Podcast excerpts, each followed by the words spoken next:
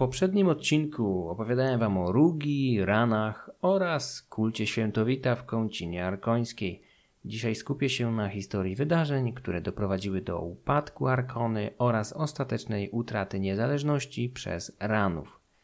Spirala nieustających wojen i najazdów odwetowych, w jakie wciągnięci zostali w XII wieku, w znacznej mierze na własne życzenie, mieszkańcy Rugi, stała się gwoździem do trumny ich małego państwa. W międzyczasie zapraszam wszystkich zainteresowanych do oceniania podcastu na Apple Podcasts, komentowania na YouTube oraz wspierania mojej inicjatywy na Patronite. Link w opisie. A przede wszystkim serdecznie dziękuję wszystkim patronom dobrowolnie wspierającym ten podcast. Bardzo doceniam fakt, że chcecie inwestować w rozwój tego kanału. Wojowniczy charakter Ranów często stawiał ich w roli przeciwników Sasów, Duńczyków i Wieletów. Zdarzało się jednak, że wchodzili w sojusze z niektórymi z wyżej wymienionych ludów podczas konfliktów z innymi przeciwnikami. Taka sytuacja miała miejsce w przywołanej przeze mnie bitwie nad Reknicą, w źródłach niemieckich zwaną czasami Raksą, w październiku 955 roku tym starciu Ranowie byli co prawda górą, ale już niecałe 30 lat później niemal kompletnie zniknęli ze znanych nam źródeł. Ogólnosłowiański bunt, jaki rozlał się na Połabiu w 983 roku, zaowocował zrzuceniem saskiej okupacji i zniszczeniem wszelkich postępów dotychczasowych misji chrystianizacyjnych. Zaskoczeni Sasowie nie byli w stanie stawić wystarczająco skutecznej obrony, w efekcie czego utracili świeżo zdobyte terytoria. Efektem rebelii był znaczny wzrost prestiżu i możliwości Związku Wieleckiego, skupiającego w swoich szeregach cztery plemiona: Redarów, Trzerespienian, Chyżan i Dołężan. Wieleci, zwani czasem Lucicami, na krótki czas skupili wokół siebie inne słowiańskie plemiona obawiające się saskiej ekspansji, zatrzymując tym samym pracę młynów historii mielących połapskie plemiona i mniejsze nacje uparcie opierające się nieustannym zmianom w Europie. Zwycięski zryw Słowian odsunął w czasie ostateczne zmiażdżenie ich oporu i niezależności na Połabiu o blisko 200 lat. Wzrost znaczenia Wieletów przełożył się z kolei na jednoczesny spadek wpływów skonfliktowanych z nimi Ranów, którzy właściwie znikają ze źródeł, chociaż niewątpliwie dalej prowadzili swój dawny tryb życia, z tą różnicą, że musieli przejść do defensywy. Na arenę dziejów wkraczają ponownie na przełomie XI i XII wieku wzmiankowani podczas konfliktów z Duńczykami. Około roku 1100 potężny duński jarl Skjalm Hvide zdołał podbić wyspę, za co został przez ówczesnego króla Eryka zawsze Dobrego ustanowiony jej namiestnikiem – Ranowie zdołali jakiś czas później, korzystając z licznych wówczas turbulencji na duńskim tronie, zrzucić podległość wobec skandynawskiego królestwa. Warto jednak pamiętać o tym krótkotrwałym triumfie z Kjalmachwide, szczególnie dlatego, że motorem napędowym ostatecznego podboju Rugi ponad 60 lat później będzie nie kto inny, ale jego wnuk, Absalon. Ranowie wcale nie byli niewiniątkami biernie czekającymi na uderzenie wrogów. Wielokrotnie występowali w roli agresywnych najeźdźców, czego przykładem była ich krucjata, bo to określenie pasuje chyba najlepiej do pewnej akcji zbrojnej podjętej w 1128 roku przeciw Szczecinowi. Portowe miasto zaledwie 4 lata wcześniej przyjęło misję chrystianizacyjną Ottona z Bambergu, który nawracał pogan pod zbrojnym patronatem polskiego księcia Bolesława Krzywoustego. Szczecinianie zrozumieli powagę sytuacji, coś co określiłbym mianem nieuchronności historycznej, to też misja Ottona zakończyła się pełnym sukcesem i jak donoszą źródła, wielotysięcznymi nawróceniami, albo przynajmniej chrztami. Ile było w tym rzeczywistej chęci życia według reguł nowej wiary, a ile chęci uniknięcia karnej ekspedycji wojowniczego Bolesława, można jedynie przypuszczać. Ranowie, związani z sojuszniczymi stosunkami ze szczecińskim Grodem, zareagowali oburzeniem na chrzest całego miasta i postanowili zorganizować ekspedycję, która nauczy krnąbrnych Szczecinian rozsądku, przywracając ich na łono dawnej wiary przodków. Nie bez znaczenia były również wewnętrzne animozje na samym Pomorzu, gdzie głowę podnosili kapłani dawnych religii, buntując lokalną ludność przeciwko niemieckiemu Bogu, jak zwano Jezusa – Morska wyprawa doszła do skutku w 1128 roku, ale zakończyła się klęską. Miasto nad Odrą pozostało przynajmniej oficjalnie chrześcijańskie, a Ranowie zostali na placu boju jako ostatni poganie w tym rejonie. Lord Palmerston powiedział kiedyś, że Wielka Brytania nie ma stałych przyjaciół ani wrogów, ma jedynie stałe interesy.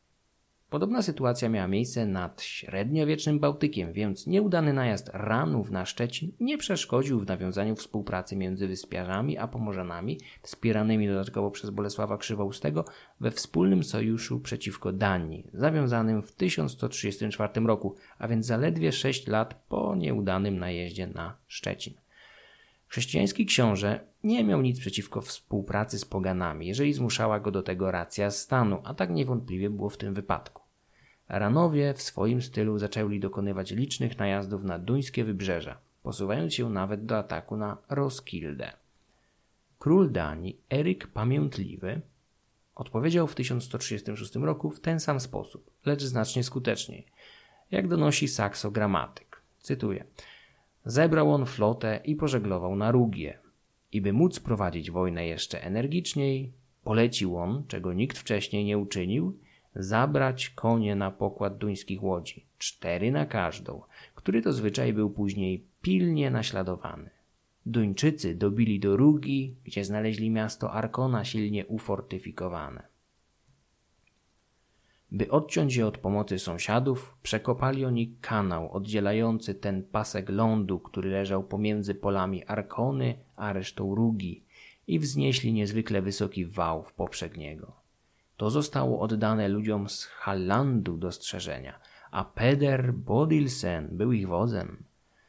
Rugianie jednak zaszli ich od tyłu nocą, po tym jak przekroczyli kilka brodów, lecz po tym jak niektórzy zginęli, zostali oni odparci przez resztę wojska. Gdy Arkonianie nie byli teraz wystarczająco silni, by się przeciwstawić wrogowi i nie widzieli żadnej możliwości otrzymania pomocy, ugięli się przed nieuchronnością i poddali Duńczykom pod tym warunkiem, że zachowają życie przyjmując chrześcijaństwo. Lecz mieli zachować prawo do zachowania posągu Boga, którego czcili. Był tam mianowicie w mieście posąg, który mieszkańcy czcili z największym szacunkiem i któremu sąsiedzi również oddawali nieustannie wielką część. Ten zwany był fałszywie świętym Witem. Zachowując go, nie mogli mieszkańcy miasta całkowicie porzucić kultu starych bogów.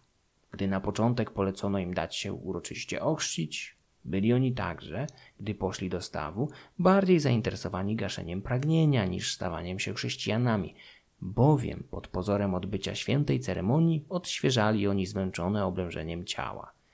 Został tam również ustanowiony duchowny w Arkonie, który miał ich prowadzić do nowego i lepszego żywota i uczyć ich podstaw nowej wiary.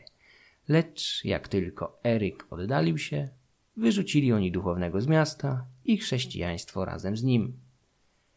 Nie zwracając uwagi na los zakładników, jakich musieli dać, oddali się Arkonianie ponownie czczeniu swego posągu i pokazali w ten sposób, na ile uczciwie oni postępowali, przyjmując chrześcijaństwo.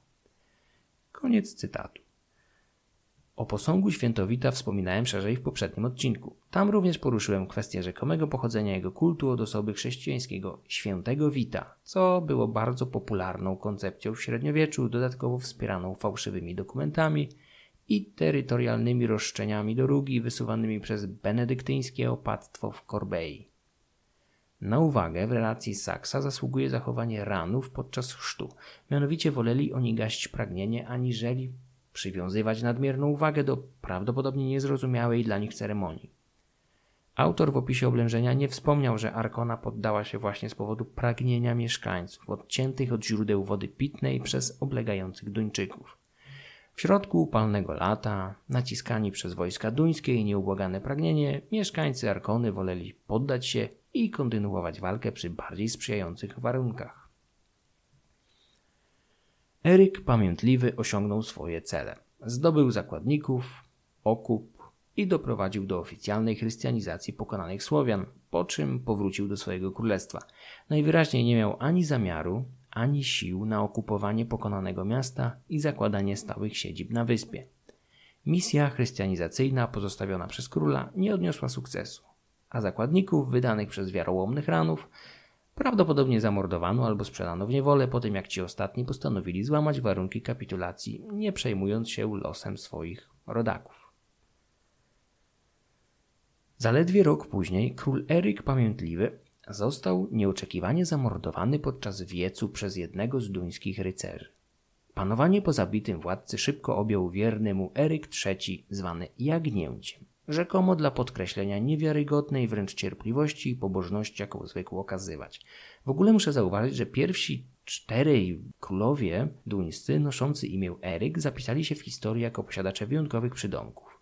Listę zapoczątkował Eryk I zawsze dobry, następnie Eryk II pamiętliwy lub pamiętny, potem Eryk III Jagnie, a po latach Eryk IV Denar od Pługa. Pomimo szybkiego objęcia tronu przez Eryka Jagnie, w Danii rozgorzała wojna domowa pomiędzy nowym monarchą a pretendentem do tronu, Olafem. Eryk co prawda wyszedł z walk zwycięsko, ale awantura kosztowała Danię ostateczną utratę wpływów na Rugi, której mieszkańcy definitywnie zerwali się z postronka. Eryk Jagnie odznaczał się wybitną pobożnością, co skłoniło go do porzucenia tronu i wstąpienia do zakonu, w którym wkrótce zmarł. Możemy spekulować, że bądź co bądź młody władca, który nie miał jeszcze nawet 30 lat, cierpiał pewnie na jakąś nieuleczalną chorobę, która skłoniła go do dobrowolnego ustąpienia, a kilka miesięcy później odebrała mu życie w klasztornych murach.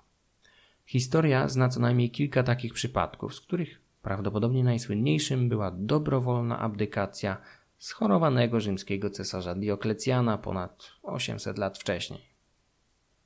Abdykacja Eryka Jagnięcia rozpętała w Danii prawdziwą burzę, gdyż w jednej chwili znalazło się dwóch poważnych pretendentów do tronu Swent i Kanut.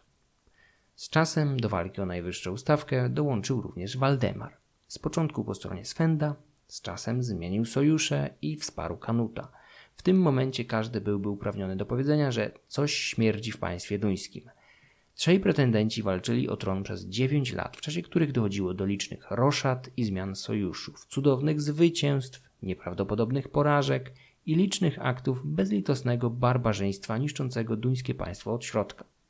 W politykę upadłego królestwa zaczęli bezpardonowo mieszać się sąsiedzi z których jedni, jak Ranowie, ograniczali się jedynie do najazdów i rabunku, natomiast inni, jak niemieccy cesarze, dążyli otwarcie do zwasalizowania północnego sąsiada.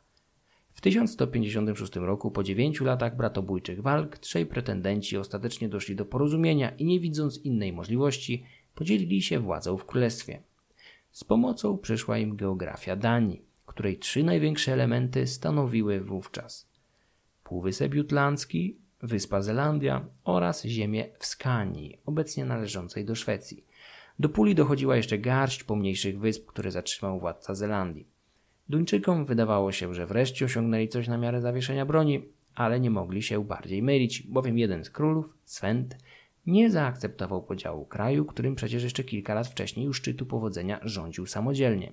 Podczas pojednawczej uczty Przygotował zasadzkę na dwóch pozostałych królów. Plan udał się połowicznie. Skrytobójcy zdołali zamordować przy stole nieuzbrojonego Kanuta, ale raniony Waldemar zdołał uciec i zorganizować armię do walki z wiarołomnym Swendem. Nie będę tutaj referował tego konfliktu. Dość rzec, że Waldemar finalnie zdołał Swenda pokonać, a ludzie zwycięzcy zabili tego drugiego podczas jego ucieczki w jakimś bagnie, od którego lokalizacji otrzymał swój pośmiertny przydomek Gradę. To właśnie Swend był tym władcą, który kilka lat wcześniej wysłał nawet drogocenny kielich w prezencie arkońskiemu świętowitowi, co tak wzburzyło po latach kronikarza Saksogramatyka. Puchar ów kilkanaście lat później zdobędą ludzie jego następcy i zwycięzcy Waldemara I.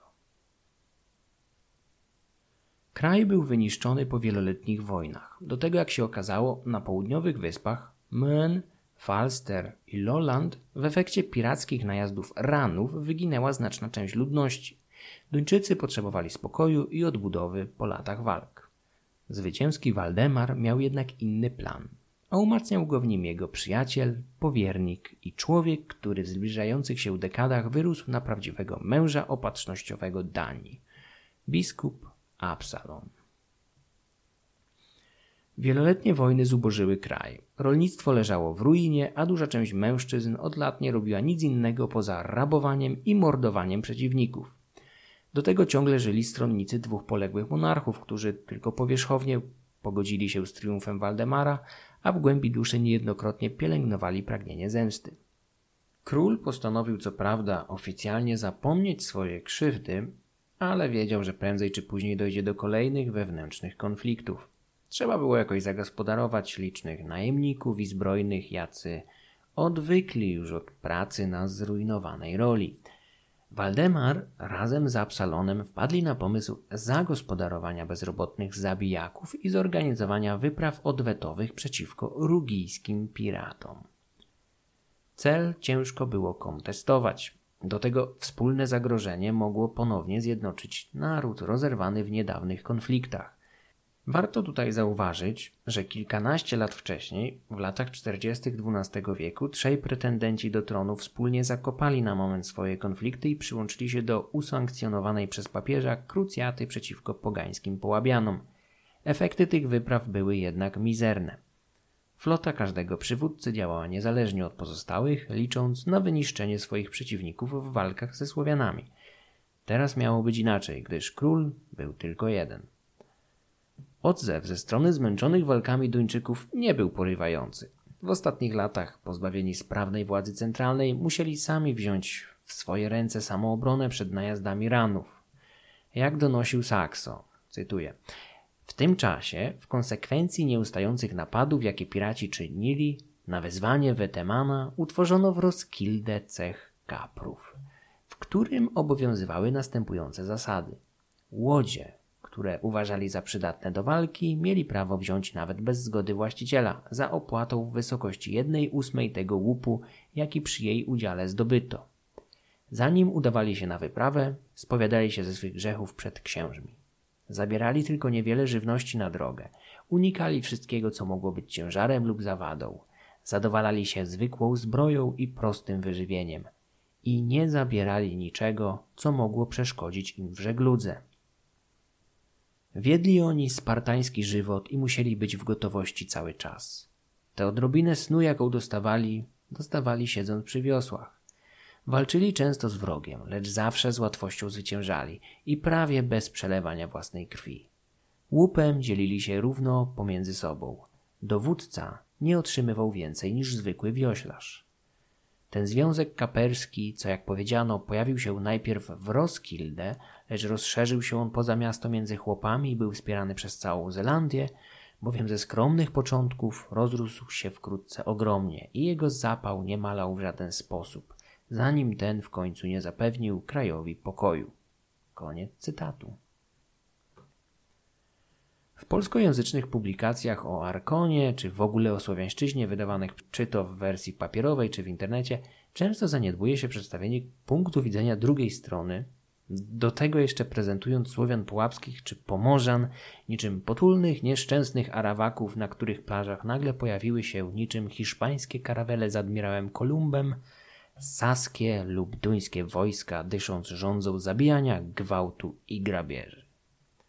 Chrześcijańskie krucjaty na Połabiu miały wymiar głównie polityczno-ekonomiczny. Chrystianizacja zaś była tylko listkiem figowym zakrywającym to, czego nie powinno się mówić światu wprost.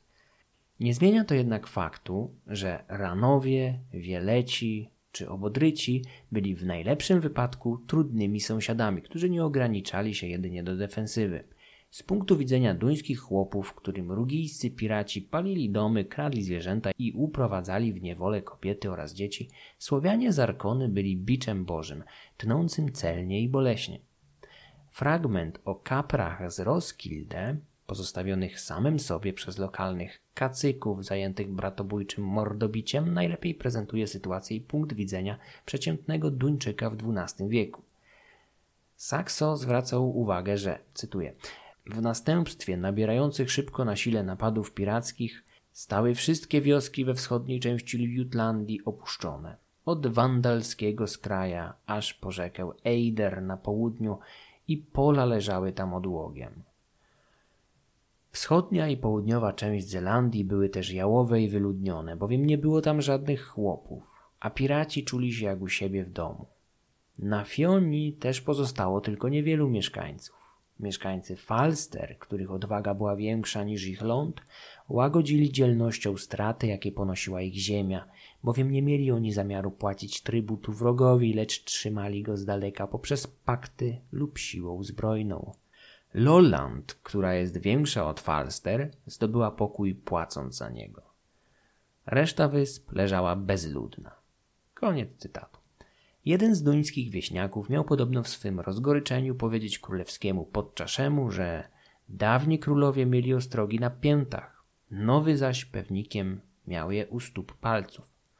Chłop miał na myśli, że dawniej król poganiał konia naprzód, zaś Waldemar, bojąc się Słowian, kłuł konia z przeciwnej strony, aby ten włączył bieg wsteczny, czyli uciekał z pola walki. Skandynawom zdarzały się jednak sukcesy. Podczas jednego z łupieskich najazdów, jeszcze w czasie wojny domowej, Duńczykom pod Roskilde udało się zaskoczyć słowiańskich napastników, przegonić ich jazdę z pola bitwy, a następnie zabrać się za eksterminację obciążonej łupami piechoty. Cytuję Saksa. Radulf przyłączył się do królewskiej jazdy i zajął się znowu rąbaniem piechoty. Uciekający byli tak zawzięci na branie łupów, że spiesząc obzierali ze skóry owce, które zabili. Jak ci ludzie musieli być pełni chciwości, że będąc w największym niebezpieczeństwie i wyrzuciwszy swoją broń, nie potrafili się zebrać w sobie i ratować życie, porzucając nędzne łupy, które jedynie przeszkadzały im w ucieczce. Rzeź, jaką sprawili im Duńczycy, była tak wielka, że zaledwie starczyło ludzi, by odpłynąć na wiosłach. Koniec cytatu. W takim klimacie, przesyconym resentymentami i chęcią odwetu za wieloletnie grabieże, spotęgowanym unifikacyjnymi dążeniami nowego króla, Duńczycy podjęli decyzję o wyprawę na Rugieł, do której doszło w 1158 lub 1159 roku. Nikt nie sądził, że zapoczątkuje ona trwającą całą dekadę serię wyniszczających wojen, które z jednej strony ostatecznie obalą niezależność Ranów, a z drugiej wystrzelą zrujnowaną Danię do pozycji regionalnego mocarstwa. W zbliżającej się dekadzie z duńskich portów dwunastokrotnie będą wypływać ekspedycje niosące śmierć, ogień i grabież. Pierwsza wyprawa omal nie okazała się ostatnią, gdyż organizacja pozostawiała wiele do życzenia. Zebranie sił ekspedycyjnych zajęło Waldemarowi nieco czasu. Następnie jego armia, jak okazało się, była pełna osób niezaznajomionych z wojną na morzu, co wymagało dodatkowego przeszkolenia. Jak zauważył Saxo, wojsko strwoniło dwa tygodnie na manewry i przeglądy na plażach, zjadając jednocześnie większą część zapasów. W momencie, gdy wyruszyli, mieli żywności na zaledwie kilka dni. Stąd już na morzu Waldemar z Absalonem opracowali chytry plan. Jak donosi Saxo.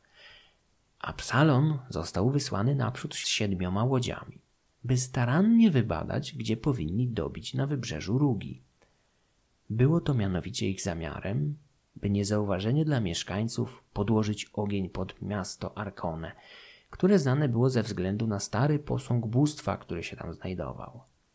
I przez zaskoczenie zabić wszystkich, którzy szukali tam schronienia – Gród mianowicie nie miał załogi i był tylko zamknięty, bowiem mieszkańcy miasta uważali, że nie było potrzeby bronić się przed ludźmi, jako że ich Bóg wystarczająco powinien strzec miasta. Cała ta zebrana flota, która pojawiła się bez strat, liczyła 260 łodzi. Koniec cytatu. Z tego cytatu przy okazji dowiadujemy się, że Arkona nie należała do miast jakichś szczególnie zaludnionych i nie posiadała też stałego garnizonu. Duńczycy wykorzystali zaskoczenie i znaleźli się bardzo blisko Arkony, której mieszkańcy nie spodziewali się nagłego ataku.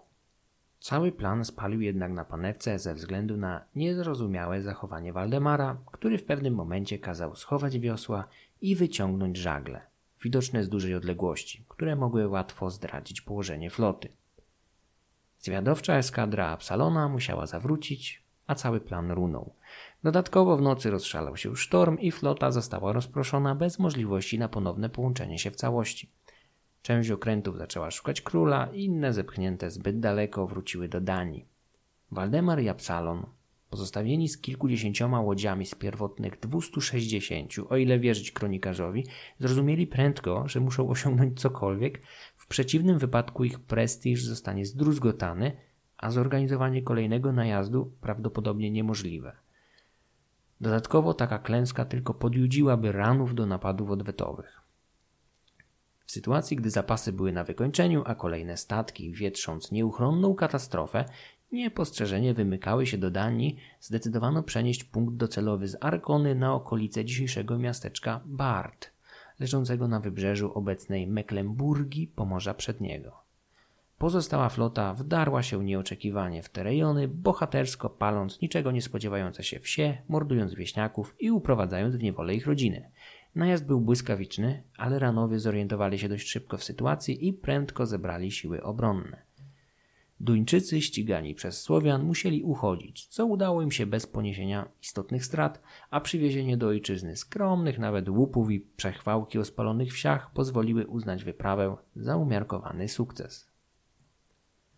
Już w kolejnym roku król zorganizował kolejną wyprawę do kraju Słowian, co miało się stać swego rodzaju tradycją, przerywaną jedynie krótkimi okresami pokoju, o który prosili ranowie przygnieceni ciągłymi inwazjami.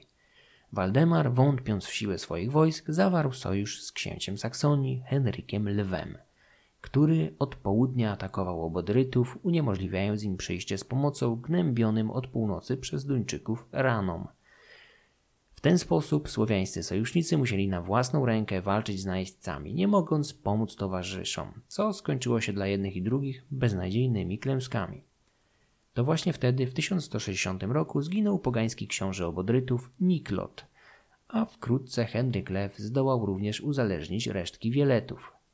W walkach z jednymi i drugimi wspierał go król Danii, który z tego tortu postanowił wyciąć dla siebie rugieł – Los Słowian Pułapskich był w tym momencie przesądzony. Jedyną niewiadomą był już tylko termin ostatecznego upadku. Sakso nie jest na szczęście naszym jedynym źródłem do poznania dziejów walk o Rugie, chociaż jego kronika jest bez wątpienia znacznie bardziej szczegółowa aniżeli drugie źródło, islandzka Knytlinga Saga, czyli Saga Królów Danii, która kampanię Waldemara z 1165 roku podsumowuje krótko. Duńczycy z wysp zgromadzili ogromne łupy. Potem król pociągnął do Asund i zniszczył okolice. Zabił tam pewnego przywódcę imieniem Dalemar, zabrał wszystko mienie, uprowadził ludność i powrócił do Hiddensee. Tu przyszli do króla Rugiowie, prosili o łaskę, wydali zakładników i tyle skarbów, ile król zażądał i obiecali być posłuszni. Potem król wrócił do Danii. Koniec cytatu. Wyczerpani nieustającymi najazdami Ranowie zdołali wynegocjować, a właściwie wybłagać pokój z Waldemarem poprzez biskupa Absalona, przypominając temu drugiemu, że kilkadziesiąt lat wcześniej jego dziadek, Skjalm Hide, również wysłuchał ich próśb i zapewnił im pokój na łagodnych warunkach. Prawdopodobnie w tym momencie rugijski poseł, którym był szczególnie elokwentny Dambor, Pominął fakt, że umowa pokojowa z 1100 roku została przy pierwszej sposobności przez wyspiarzy zerwana.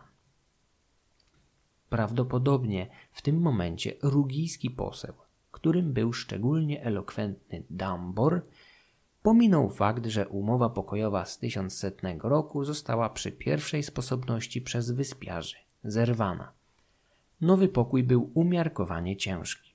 Oprócz okupu i zwyczajowego wydania zakładników, Ranowie mieli od tej pory wspierać militarnie duńskie wyprawy. Prawdopodobnie Waldemar nie mógł chwilowo kontynuować pełnej ekspansji na wyspie, ponieważ odciągnęły go od tego walki o tron w Norwegii, na których, jak na poważnego władcę przystało, zamierzał uzyskać coś dla siebie.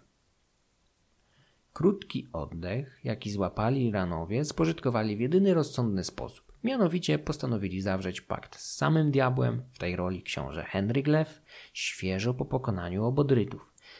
Prawdopodobnie zapewnieni o ewentualnej pomocy przez saskiego władcę, ponownie zerwali więzi z Danią, korzystając z aktywności Waldemara w Norwegii.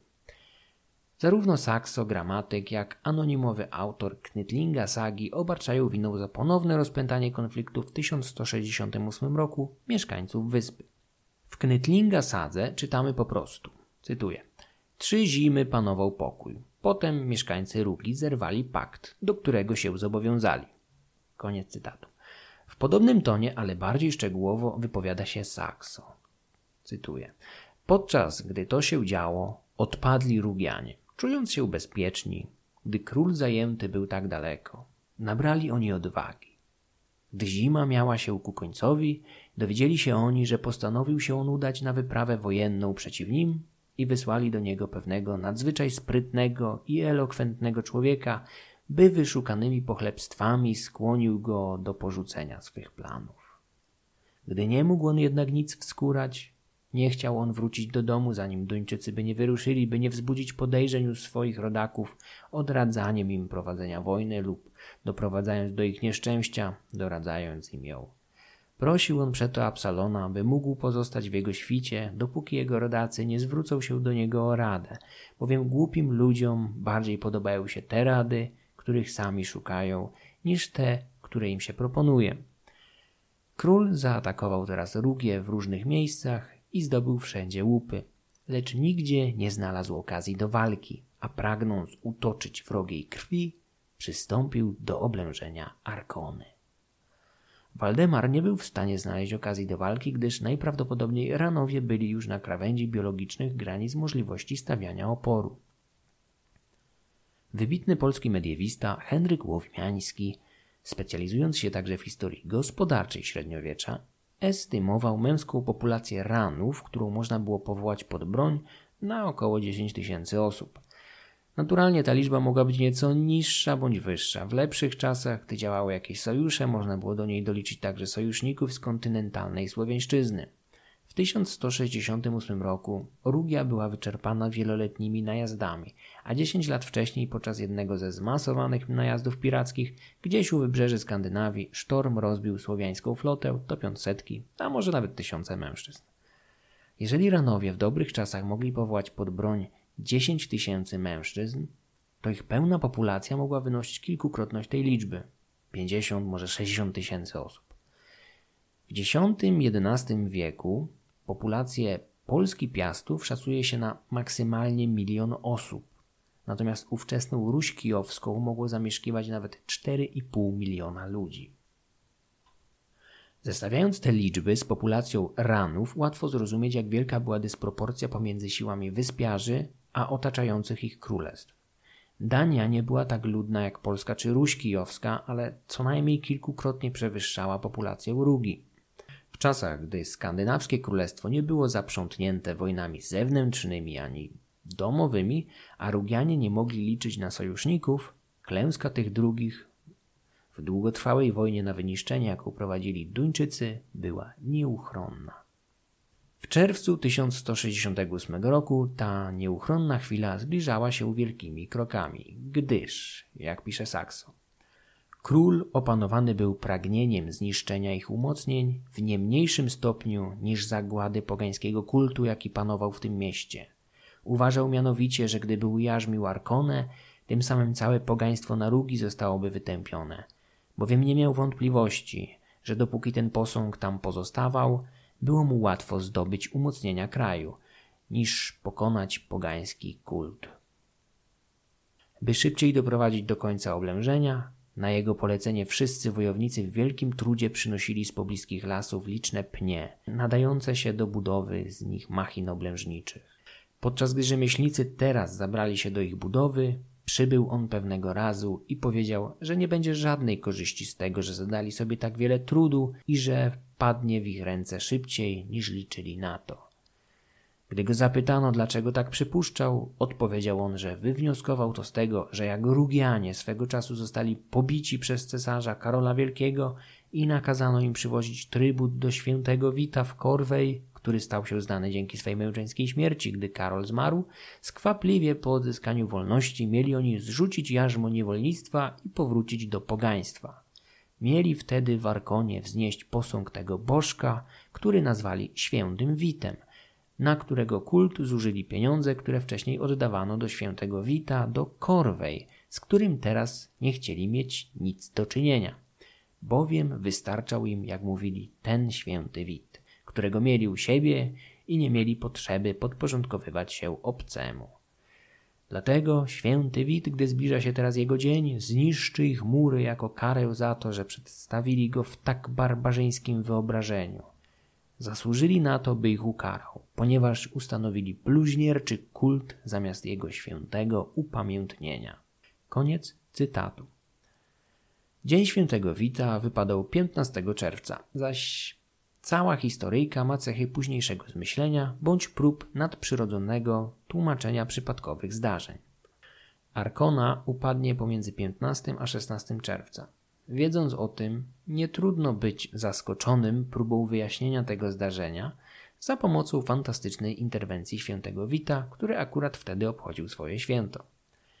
Zbieg okoliczności może również wynikać z celowej konfabulacji kronikarza, który pisząc relacje po latach mógł przesunąć dzień upadku miasta o kilka dni w tę lub inną stronę, aby potwierdzić swoją wersję wydarzeń angażującą siły nadprzyrodzone.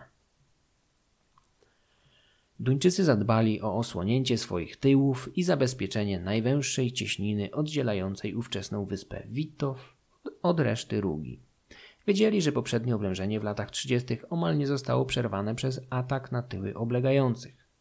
Ranowie również uczyli się na błędach i tym razem przeciągnęli źródło wody pitnej bliżej wałów grodu, a być może nawet za nie, dzięki czemu Duńczycy nie mogli zmusić ich do kapitulacji poprzez odcięcie zasobów wody pitnej, tak jak król Eryk 28 lat wcześniej.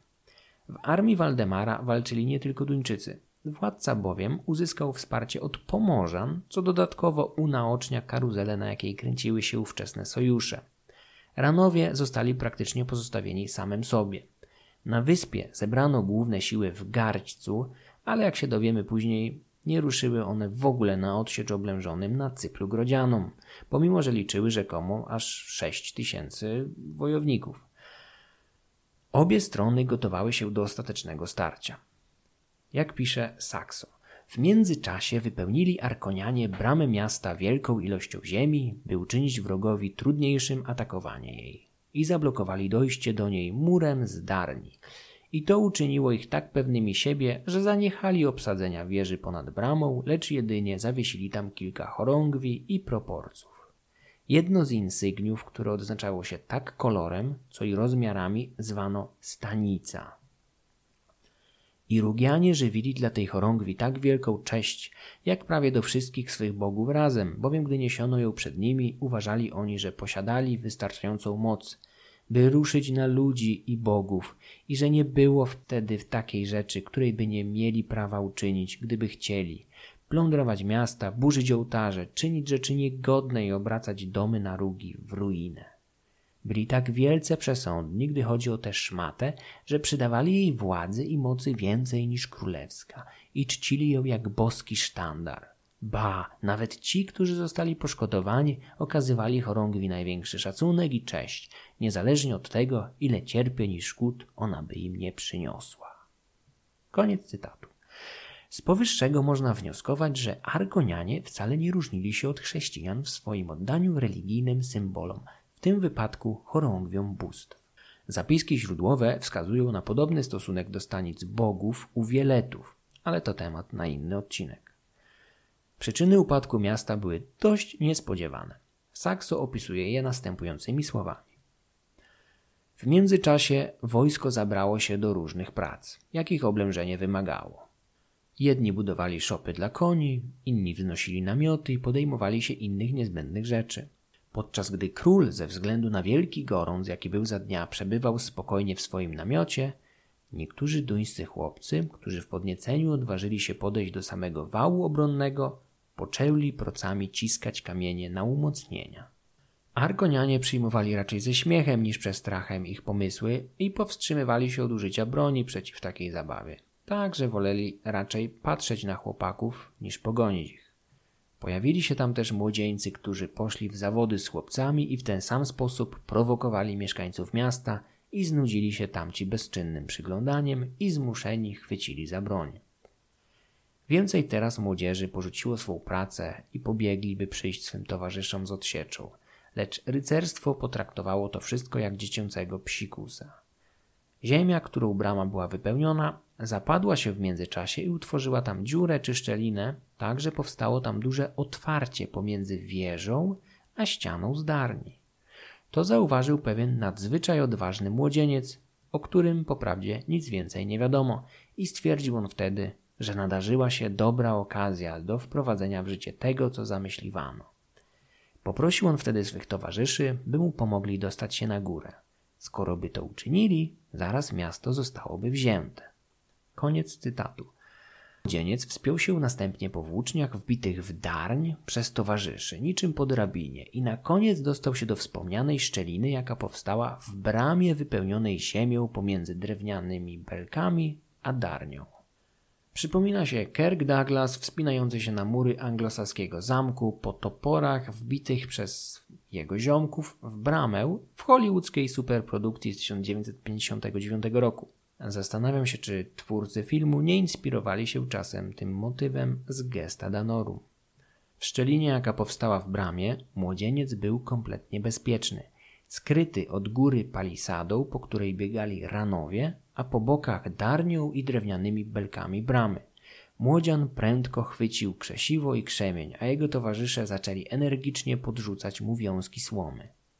Ranowie prawdopodobnie przeoczyli to w ferworze walki i nie uświadamiali sobie, że młody Dun właśnie krzesze ogień pod stos pogrzebowy ich miasta. Iskry padły na wiązki słomy, ochoczo donoszone przez innych Dunów, a następnie na wysuszone w czerwcowym upale belki, bramy i palisady. Dopiero gdy obrońców na bramie zaczął gryźć nieprzyjemny dym, zrozumieli, że coś jest nie tak. Jak donosi dalej Saxo, zszokowani mieszkańcy nie wiedzieli, czy walczyć z wrogiem, czy rzucić się do gaszenia płonącej bramy. Ostatecznie wybrali to drugie, w czym energicznie przeszkadzali im Duńczycy. W obleganym grodzie z pewnością brakowało racjonowanej wody, to też prędko ranowie zaczęli do gaszenia wykorzystywać nawet mleko. Hałas dochodzący z grodu obudził odpoczywającego króla, który stanął skonsternowany niespodziewanym zajściem. Gęsty dym nie pozwalał ocenić, czy pożar był na tyle istotny, że mógłby się przyczynić do upadku miasta.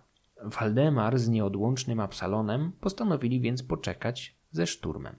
Ale w międzyczasie nakazali wojownikom rozniecać ogień, rzucając weń słomę z obozu. Efekt był piorunujący. Wkrótce cała brama z przyległymi wieżami i palisadami stanęła w płomieniach, które strawiły stanice słowiańskich bogów.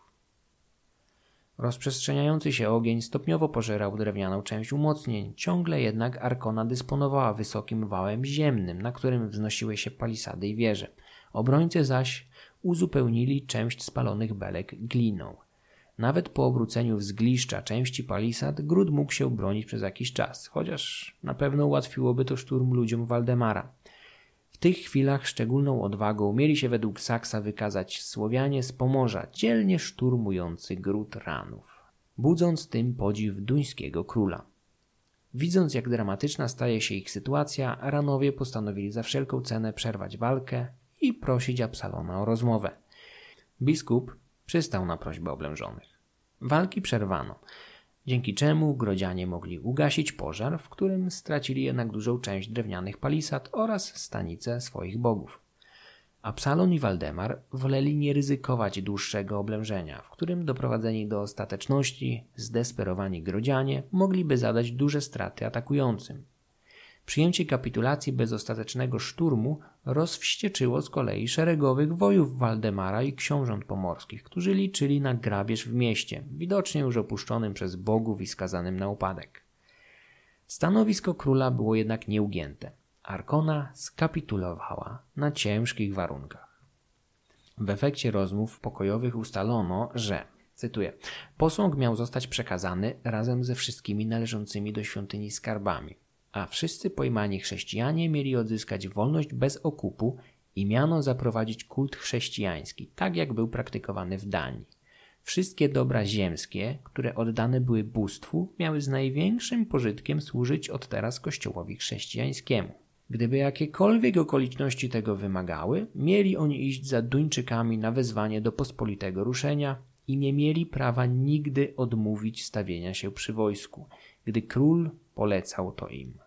Ponadto powinni płacić rocznie trybut w wysokości 40 srebrnych monet od każdej pary wołów i tyluż dostarczyć zakładników dla zapewnienia, że dochowają oni tych warunków. Koniec cytatu.